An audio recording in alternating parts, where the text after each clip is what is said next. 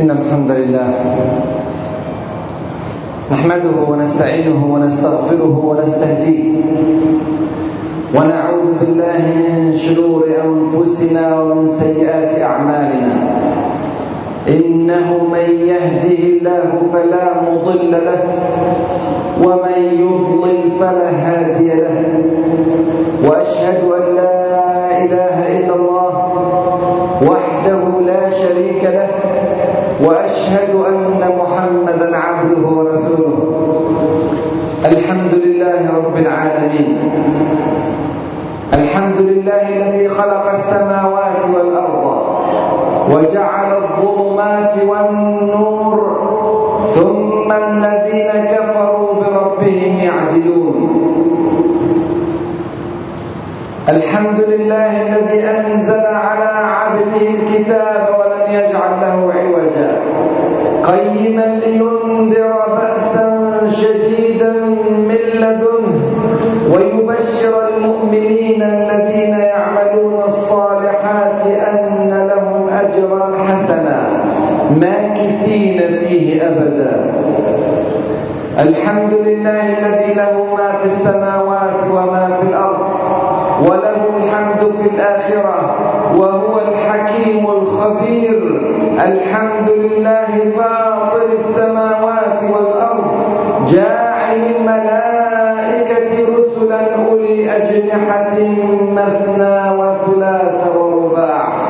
يزيد في الخلق ما يشاء.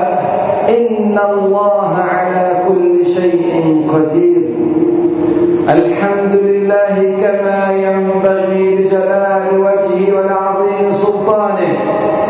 الحمد لله ملء السماوات وملء الأرض وملء ما بينهما وملء ما شاء من شيء بعد. الحمد لله حمدا كثيرا طيبا مباركا فيه. وأشهد أن لا إله إلا الله وحده لا شريك له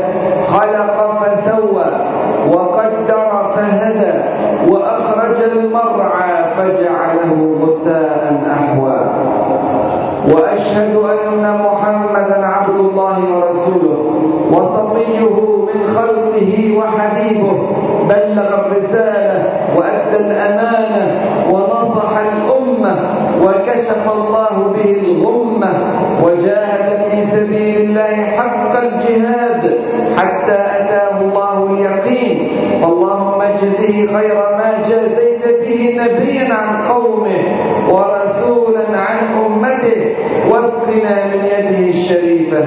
شربة هنيئة مريئه لا نظمأ بعدها ابدا. ابدا يا رب العالمين. آمين آمين. وصل اللهم وبارك على سيدنا محمد وعلى آله وصحبه وسلم.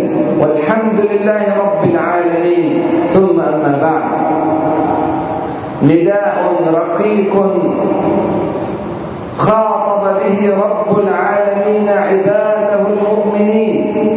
في كتابه الكريم حين قال يا أيها الذين آمنوا ما لكم إذا قيل لكم انفروا في سبيل الله ثاقلتم إلى الأرض؟ أرضيتم بالحياة الدنيا من الآخرة؟ فما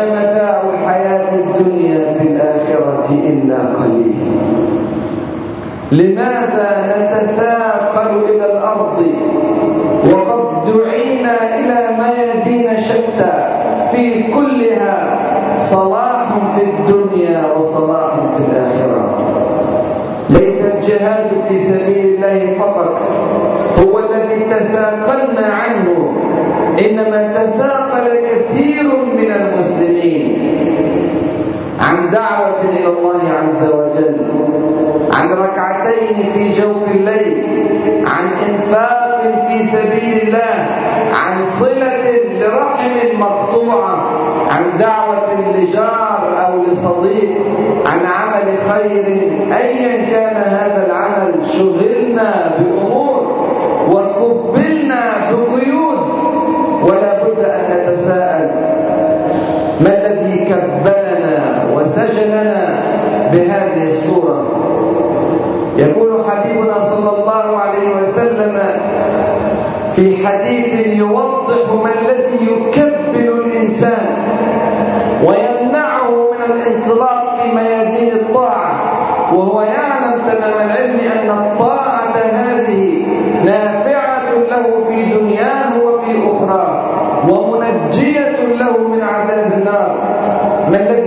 الذي يكبلنا يقول حبيبنا صلى الله عليه وسلم إذا أذنب العبد ذنبا نكت في قلبه نكتة سوداء فإن تاب ونزع واستغفر صقل قلبه وإن زاد زادت وإن زاد في الذنب زادت النكتة السوداء في الحجم في قلبه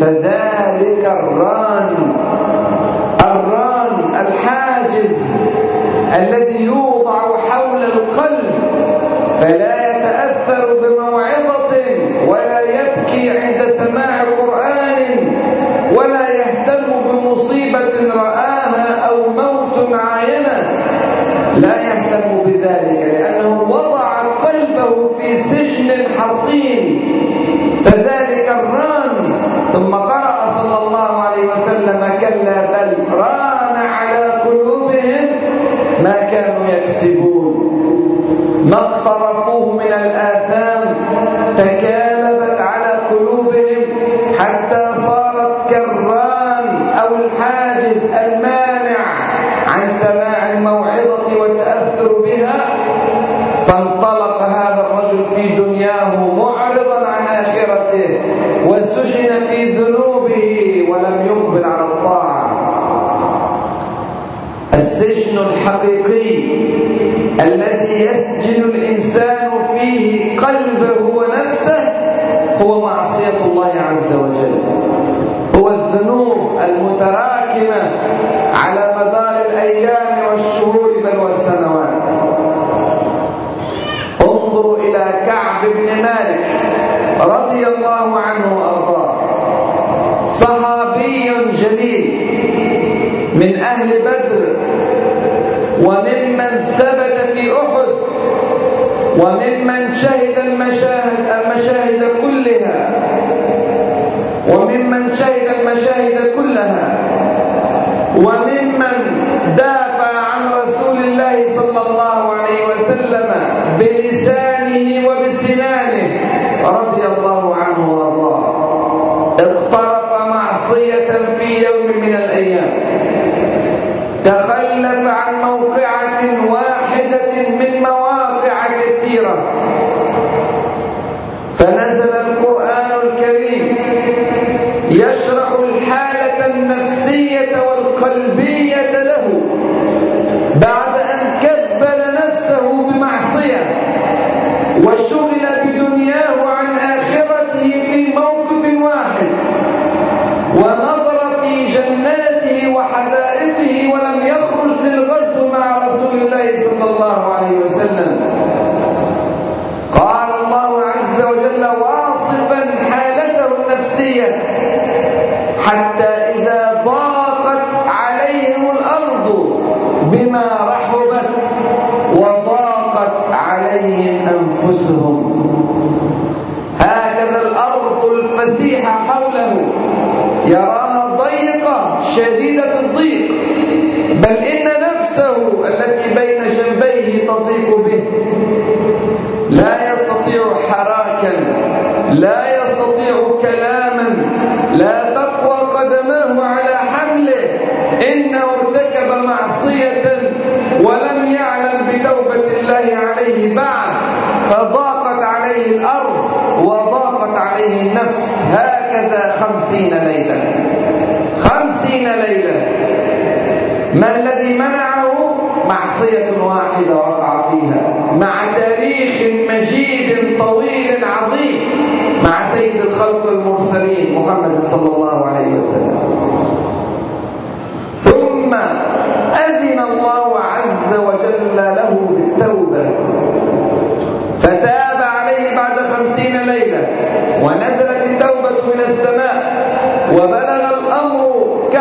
مالك رضي الله عنه وأرضاه فأتى مسرعا إلى المسجد النبوي والتقى حبيبنا صلى الله عليه وسلم فماذا قال له رسول الله صلى الله عليه وسلم أول ما قال عندما رآه استمع قال له يا كعب أبشر أبشر بخير يوم مر عليك منذ ولدتك أمك الحديث في البخاري عن كعب بن مالك رضي الله عنه وارضاه خير يوم مر عليك منذ ولدتك أمك هذا يوم التوبة خير أيامك يوم التوبة لا يوم زواج ولا يوم تبشير بغلام ولا يوم نجاح في عمل ولا يوم مكسب مادي خير أيامك منذ ولدتك أمك يوم توبتك يوم توبتك يا كعب أبشر بخير يوم مر عليك منذ ولدتك أمك. انظر إلى كعب بن مالك الآن بعد أن ولد من جديد بعد أن تحرر قلبه من السجن الذي وضع نفسه فيه. انظر إلى حالته النفسية وانطلاقه إلى ميدان العمل.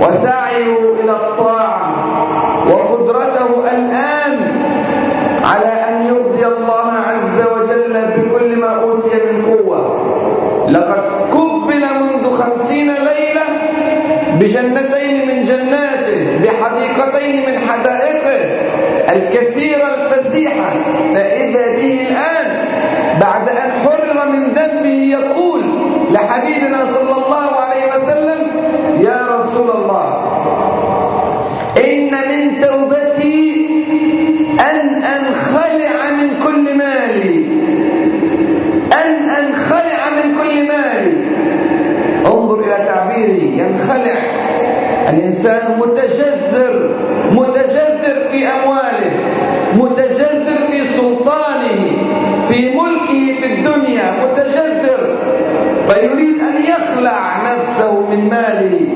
هكذا انطلق. منذ خمسين ليلة كان مكبلا بحديقتين. فإذا به الآن على استعداد أن يدفع كل ما أوتي من مال في دنياه السابقة في سبيل الله بعد أن تاب الله عز وجل عليه. هذا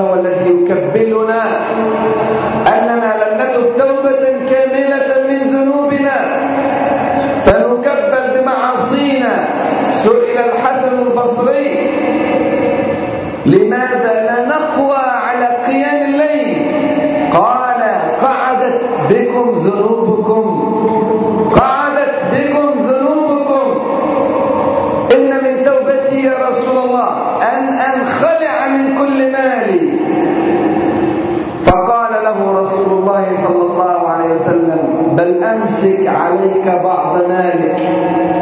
فقال فإني أمسك سهمي في خيبر.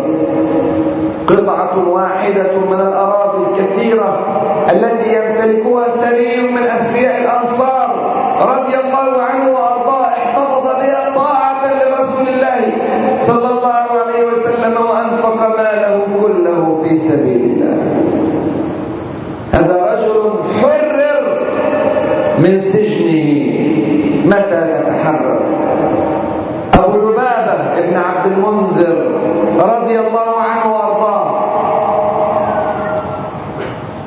يأمره رسول الله صلى الله عليه وسلم أن يأتي بخبر بني قريظة ولا يكشف لهم سر رسول الله صلى الله عليه وسلم وسره صلى الله عليه وسلم أنه سيقيم عليهم حد الخيانة التي فعلوها في المسلمين في الأحزاب عندما أرادوا أن يفتحوا الأبواب لقريش وغطفان سيذبحهم حبيبنا صلى الله عليه وسلم. لكنه أوصى أبا لبابة رضي الله عنه وأرضاه ألا يخرج سره إلى اليهود. وكان أبو لبابة حليفا لليهود في الجاهلية. وكانت داره إلى جوار ديارهم وكانت علاقاته قوية بهم. فعندما دخل إلى ديارهم وسألوه ما يفعل بنا محمد صلى الله عليه وسلم لم يتكلم ولكنه أشار بيده إلى رقبته الذبح. فلم يقلها حتى أدرك أنه قد وقع في معصية كبيرة. خان الله ورسوله وكشف سر رسول الله صلى الله عليه وسلم سجن في معصيته فورا. المعصية مكبلة معوقة. عاد مسرعا إلى المسجد النبوي. وقبل أن يلتقي برسول الله صلى الله عليه وسلم ربط نفسه في سارية من سوار المسجد. ما زالت موجودة إلى زماننا الآن. سارية أبي لبابة. ربط نفسه في السارية وأقسم ألا يفك نفسه حتى يتوب الله عز وجل عليه وإن هلك في هذا المكان. وأقسم أن لا يفكه إلا رسول الله صلى الله عليه وسلم. وظل هكذا حبيس ذنبه وحبيس معصيته لا يكبل معنويا فقط إنما كبل نفسه جسديا كذلك. وبعد ستة ليال نزلت التوبة. ورسول الله صلى الله عليه وسلم في بيته مع أم سلمة أم المؤمنين رضي الله عنها وأرضاها يضحك. صلى الله عليه وسلم فتقول له أم سلمة رضي الله عنها ما الذي أضحكك؟ أضحك الله سنك. يا رسول الله فيقول تيب على أبي لبابة يوم سعيد يسعد فيه حبيبنا صلى الله عليه وسلم ويضحك فيه ويسر. وكان إذا سر استنار وجهه صلى الله عليه وسلم فكأنه قطعة من قمر صلى الله عليه وسلم. فثار. فقال أفعل أخبره يا رسول الله؟ فقال نعم. فكشفت ستر الحجرة وأبشرته بالتوبة عليه من الله عز وجل إليه قومه يريدون أن يفكوا وثاقه فقال لا والله حتى يأتي رسول الله صلى الله عليه وسلم. وفي الفجر فك وثاقه رسول الله صلى الله عليه وسلم وبشره بالتوبة فقال انظر انظر إلى تحرره الآن. فقال يا رسول الله إن من توبتي أن أغادر داري التي عصيت الله فيها وأن أساكنك في دارك إلى جوار دارك سيترك داره في الجنوب الشرقي من المدينة إلى جوار ديار بني قريظة ويأتي إلى جوار الحبيب صلى الله عليه وسلم يترك داره وذكرياته وأملاكه وضياعه ويأتي إلى جوار الحبيب صلى الله عليه وسلم. إن من توبتي أن أغادر داري التي عصيت الله فيها وأساكنك إلى جوار دارك. وإن من توبتي أن أنخلع من كل مالي هكذا. هذه القدرة على العطاء الكامل العطاء غير المنقطع. التخلص من الدنيا بكاملها لا تأتي إلا لإنسان تائب لإنسان حرر قلبه لإنسان نظف قلبه وصقل قلبه بتوبة صادقة إلى الله عز وجل. فقال له صلى الله عليه وسلم يجزئ عنك الثلث. لا تنفق كل مالك في سبيل الله ولكن يجزئ عنك الثلث. هكذا. ماعز رضي الله عنه وأرضاه عندما ارتكب جريمة الزنا. قبل في معصيته ولم يستطع حراكا ثم تاب إلى الله عز وجل توبه صادقه ولكنه لم يستطع ان يتحرك لا هنا ولا هناك وشعر فيموت. فإنه كان محصنا وجزاؤه في الإسلام الرجل. فذهب إلى حبيبنا صلى الله عليه وسلم وقال والدموع تترقرق في عينيه وهو يقترب من لحظة نهايته على هذه الدنيا. لا يستطيع أن يعيش مكبلا في هذا الذنب.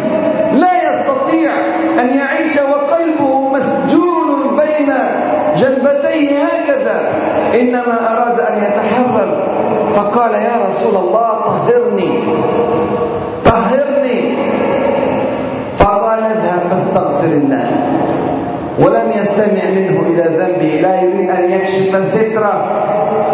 اذهب فاستغفر الله. شعر رسولنا صلى الله عليه وسلم أن الرجل قد فعل كبيرة عظيمة ولا يريد أن يصل الأمر, الأمر إليه فيقيم عليه الحد اذهب الله فذهب ثم عاد وقال يا رسول الله طهرني. ما أستطيع طهرني. قال اذهب فاستغفر الله. فذهب ثم عاد الثالثة يا رسول الله طهرني. اذهب. ثم عاد في الرابعة طهرني. قال ويحك. من أي شيء أطهرك قال من الزنا. من الزنا. ويعلم رسول الله صلى الله عليه وسلم أنه محصن وأن جزاء الرجم أراد أن يخفف عنه. أراد صلى الله عليه وسلم أن يقيه إقامة الحد فقال للناس أبيه جنون. أبيه جنون. لعله مجنون لا يدري ما يقول فيعفى عنه.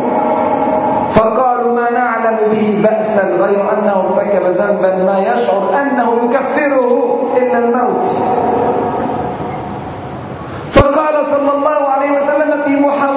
محاولة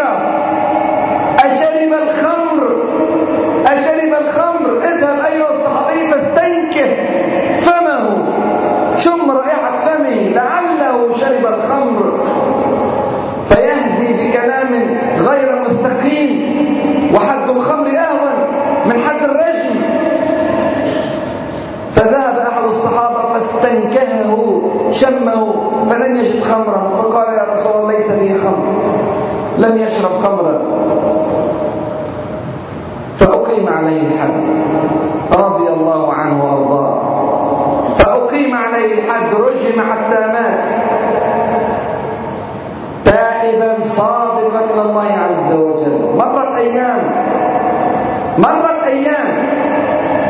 ثم تحدث رجلان في ماعز رضي الله عنه وارضاه فقال أحدهما للآخر ألم تر إلى هذا الكلب الذي ستره الله عز وجل ففضح نفسه فسمعهما رسول الله صلى الله عليه وسلم وقال وخطب في الناس إن ماعز ينقمس الآن وفي رواية ينغمس الآن في نهر من أنهار الجنة. انظر إلى الحرية الحقيقية. العبد الذي يراه الناس مذنبا في حياته وقليلا في أعين الناس عندما تاب توبة صادقة الآن كما يقول حبيبنا صلى الله عليه وسلم الآن ينقمس أو ينغمس في نهر من أنهار الجنة. الله أكبر. حرية حقيقية. يوم حريتك يوم توبتك. خير يوم مر عليك منذ ولدتك أمك يوم توبتك. الآن أكرمنا الله عز وجل وأنعم علينا أن بلغنا هذا الشهر الكريم. إنها فرصة ثمينة عظيمة لا تعوض حقيقة أن وصل بنا ربنا عز وجل إلى هذا الشهر الكريم ليعطينا الفرصة الكاملة أن نتحرر من سجوننا وأن ننقذ قلوبنا من قيودها وأن ننطلق غير متثاقلين إلى الأرض إنها فرصة مس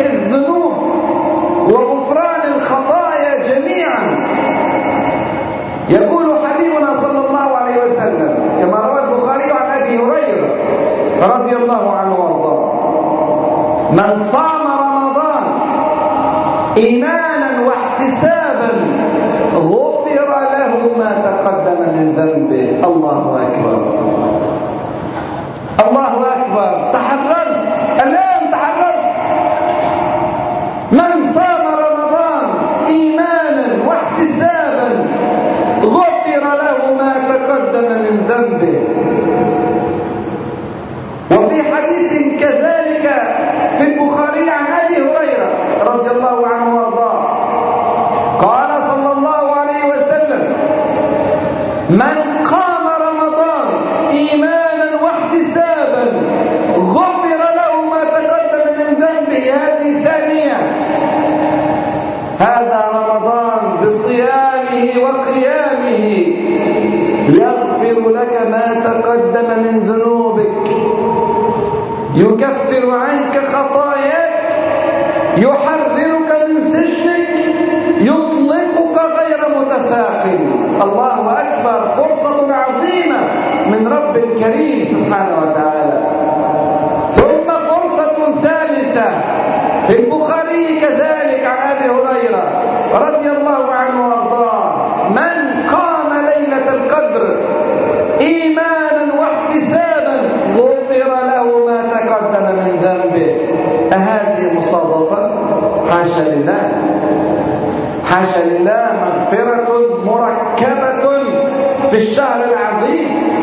إنها فرصة للانطلاق حقيقة لعل هذا أحد أهم الأسباب التي من أجلها جعل رمضان ركنا من أركان هذا الدين. إنه يعطيك الفرصة الحقيقية للانطلاق مرة ثانية. للانطلاق في ميادين الطاعة في ميادين الصلاة والصيام في ميادين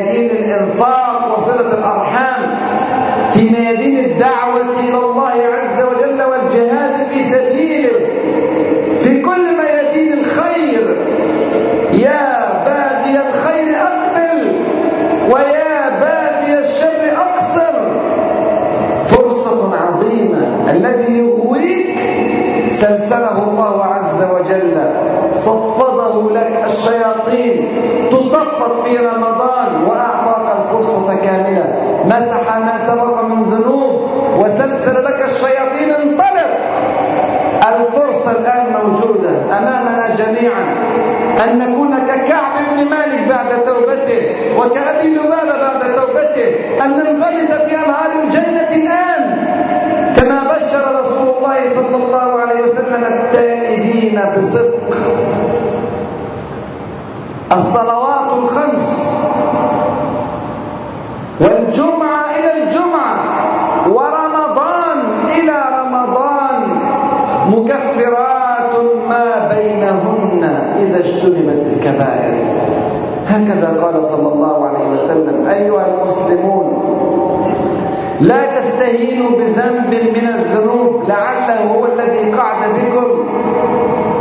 لا تستهينوا بنظرة آثمة خاطئة يقع فيها شاب أمام فضائية أو أمام شاشة الإنترنت أو في صورة من الصور يراها هنا أو هناك أو في الشوارع كما نرى لعلها في قطيعة رحم ولو دقت في عينك لعلها في عقوق لأب أو أم لعلها في كلمة غلظة أو تجهم نفر إنسانا من صلاة أو من مسجد. لعلها كلمة غيبة قيلت في حق أخي من إخوانك. لا تستهينوا بالذنوب يقول عبد الله بن مسعود رضي الله عنه وأرضاه. إن المؤمن يرى ذنبه كالجبل يكاد يقع عليه والمنافق يرى ذنبه كالذبابة وقفت على أنفه فقال له لها بيده هكذا. المنافق يستهين بالذنوب وإن عظمت. والمؤمن يرى ذنوبه كالجبل يريد أن يقع عليه. لا تستصغر الذنب. لا تنظر إلى صغر الذنب ولكن انظر إلى عظم من عصيت سبحانه وتعالى. إننا في رمضان الآن ندعو أنفسنا وندعو المسلمين جميعا إلى بداية جديدة مع الله عز وجل إلى إعادة ترتيب لأوراقنا ومناهجنا إلى رؤية جديدة لحياتنا. الآن منذ هذه اللحظات التي غفر إن صمنا وقمنا إيمانا واحتسابا له.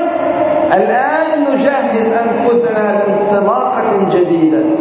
حياتنا الآن وبعد رمضان لا بد أن تكون مختلفة تمام الاختلاف عن حياتنا قبل الشهر الكريم.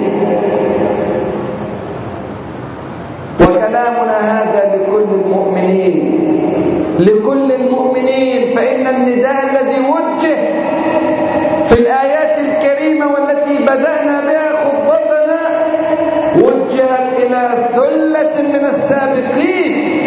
يا أيها الذين آمنوا ما لكم إذا قيل لكم انفروا في سبيل الله اثاقلتم إلى الأرض. خطاب للمؤمنين نزلت هذه الآيات الهجرة بعد سنوات طويلة من التربية ومن الصحبة لرسول الله صلى الله عليه وسلم ومن الوجود في جيل هو خير أجيال الدنيا مطلقا خير الناس قرني. ثم الذين يلونهم ثم الذين يلونهم. ومع ذلك خاطبهم ربنا عز وجل بهذا الخطاب فلا تستكثر. أن تخاطب به وراجع نفسك فإن الأيام تمضي والنفس قد يخرج فلا يعود أبدا. أسأل الله عز وجل أن يغفر لنا ذنوبنا وأن يكفر عنا سيئاتنا وأن يتوفنا مع الأبرار. وأسأله سبحانه وتعالى أن يفقهنا في سننه وأن يعلمنا ما ينفعنا وأن ينفعنا بما علمنا إنه ولي ذلك والقادر عليه واستغفروه فيا فوز المستغفرين.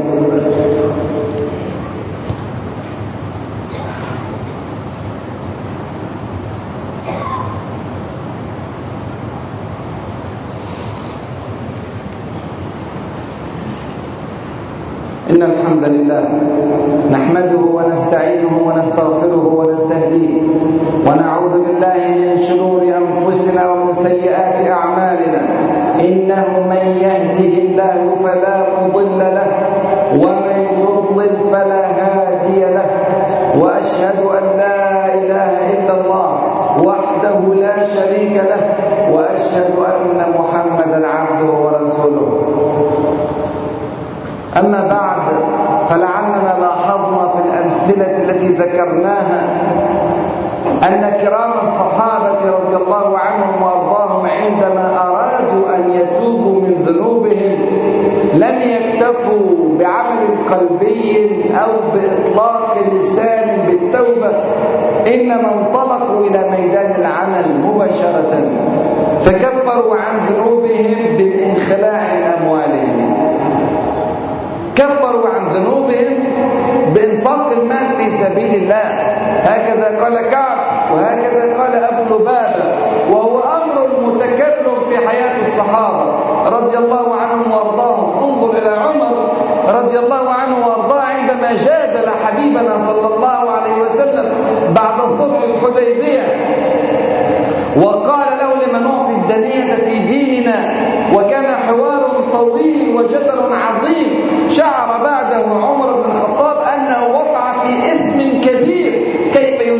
رسول الله صلى الله عليه وسلم وقد قال له رسول الله صلى الله عليه وسلم إنه ربي ولن يضيعني. ومع ذلك استمر الجدل وذهب إلى الصديق وجادله كذلك. فبعدها عندما تاب إلى الله عز وجل ماذا قال؟ قال رضي الله عنه وأرضاه فما زلت أصوم وأتصدق وأصلي وأعتق حتى ظننت أنه خيرا حتى ظن أنه خير أن لأنه دفع هذه الأموال وهذه الصدقات وهذه الأعمال فلعل الله عز وجل أن يكون قد كفر بها عن ذنوبه السابقة أو عن ذنبه في حواره مع رسول الله صلى الله عليه وسلم. هكذا. اثبت لنفسك ولربك عز وجل أنك صادق في توبتك. ادفع واعمل وابذل وجاهد وتحرك. لا تكتفي فقط بعمل القلب فإن الشيطان كثيرا ما يدلس على الإنسان فيقنعه أنه تائب وهو على الذنب مصر. وأحيانا تكون ذنوب القلوب أشد ألف مرة من ذنوب الجوارح الكبر والعجب ونظر إلى الناس نظرة ازدراء والحسد والحقد والتباغض والتشاحن والغل في القلوب. هذه أشياء لعلها أثقل في ميزان السيئات من نظرة أو كلمة. وكل نحاسب عليه. لا يغادر صغيرة ولا كبيرة إلا أحصاها. فعودوا إلى الله الآن وابذلوا في سبيله. وضعوا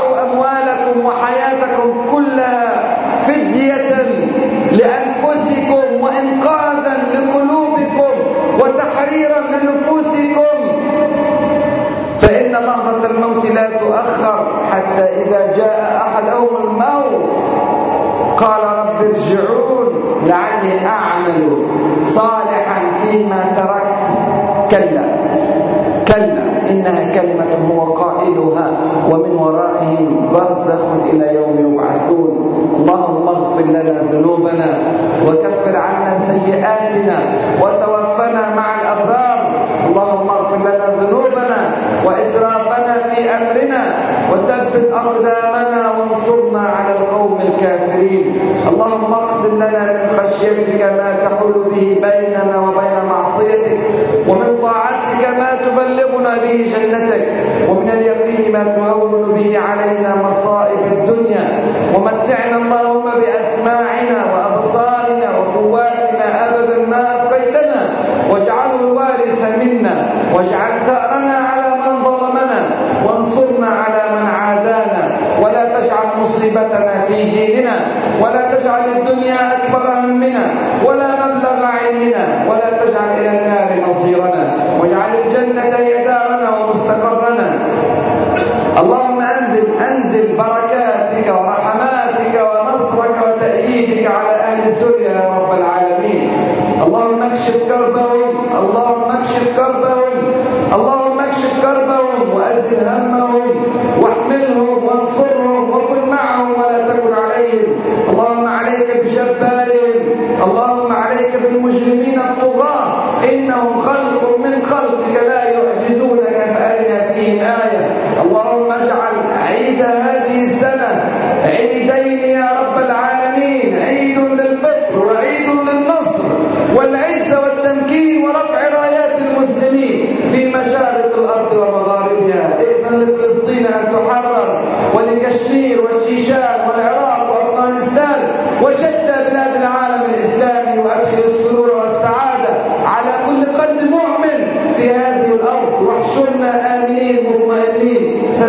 في حياتنا.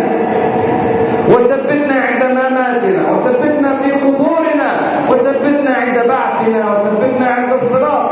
وأدخلنا الجنة برحمتك دون سابقة عذاب ولا مناقشة حساب وآخر دعوانا أن الحمد لله رب العالمين وأقم الصلاة.